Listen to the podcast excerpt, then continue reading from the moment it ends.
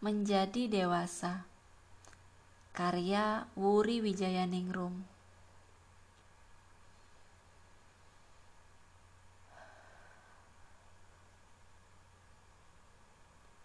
Kata orang, masa remaja masa yang paling menyenangkan. Kataku, ini adalah masa yang paling membuat tertekan. Dibebani dengan tuntutan kerja, ekspektasi orang tua, pertanyaan kapan wisuda, gaji berapa, nama hamster tetangga, di mana letak bola naga, siapa presiden Konoha, bla bla bla.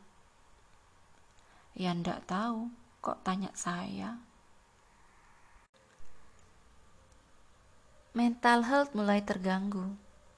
Kewarasan semakin sulit untuk dijaga.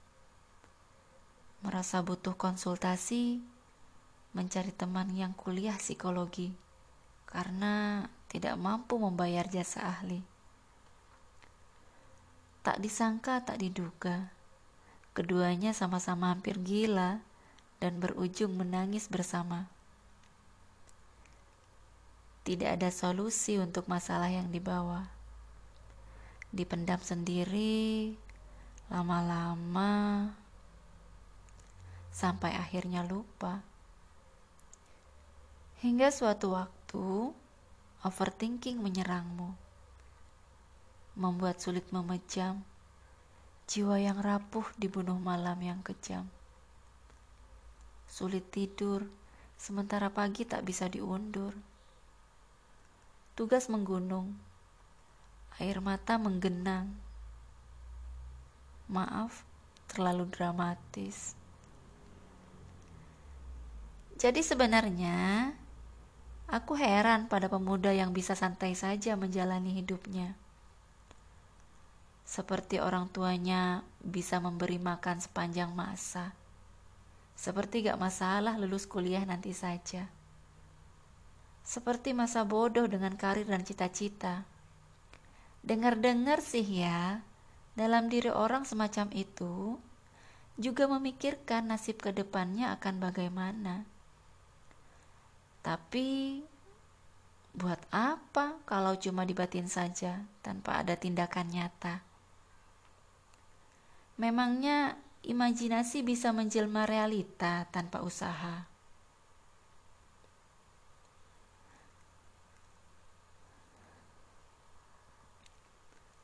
Semua sudah ada jalannya. Kalau semua sudah diatur, apa gunanya doa yang kau langitkan saat tanganmu tengadah? Kan semua sudah diatur, semua sudah pasti. Kau tinggal terima beres, apa pun itu. Kalau manut katamu, manusia jadi gak punya kuasa untuk meminta. Jadi kau juga gak perlu repot request begitu, begini. Keinginanmu tidak ada gunanya lagi dan tidak akan terpenuhi. Kan sudah pasti porsi yang akan kau dapati. Ditambah, kau juga tidak pernah menaruh usaha pada apa yang kau mohonkan. Tuhan tak sudi mendatangkannya secara cuma-cuma. Kemudian mereka berkata, "Nikmati masa muda selagi bisa. Masa muda hanya datang sekali selama hidup kita." Well, semua adalah fase atau tahap dalam jangka waktu tertentu. Masa kecil, masa remaja, masa dewasa, dan masa tua. Memangnya ada yang bisa diambil dua kali seperti tes sertifikasi? Kalau bisa, enak saja tinggal mengulang untuk memperbaiki jika gagal pada percobaan yang pertama kali. Hei bro, hidup memang suka bercanda, tapi tidak selawak itu. Seharusnya kita tahu apa bedanya menikmati masa muda dan menghancurkan masa depan. Cara menjalani masa muda yang paling tepat menurutku nih adalah dengan melakukan hal-hal yang membuat hidupmu enak di masa depan. Contohnya, mengukir prestasi, memulai investasi, menjalin relasi, membangun reputasi, mencari sugar daddy. Eh, bukan.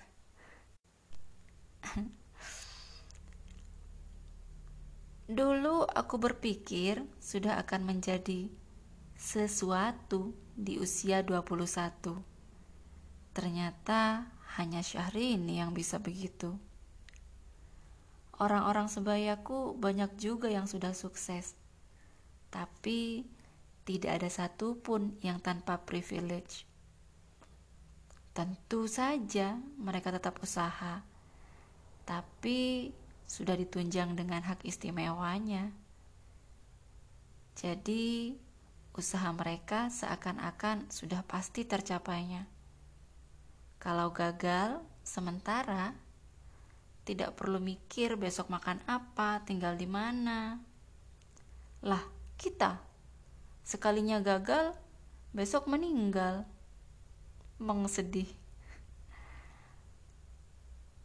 Dalam kehidupan menjadi dewasa, memiliki seorang public figure sebagai teladan sah-sah saja. Tapi menyetarakan standarmu dengan kemampuan mereka tidak direkomendasikan. Apalagi kalau idolamu itu artis, tokoh terkenal, kaum bangsawan, cendikiawan, Ya, mbok sadar diri to ya.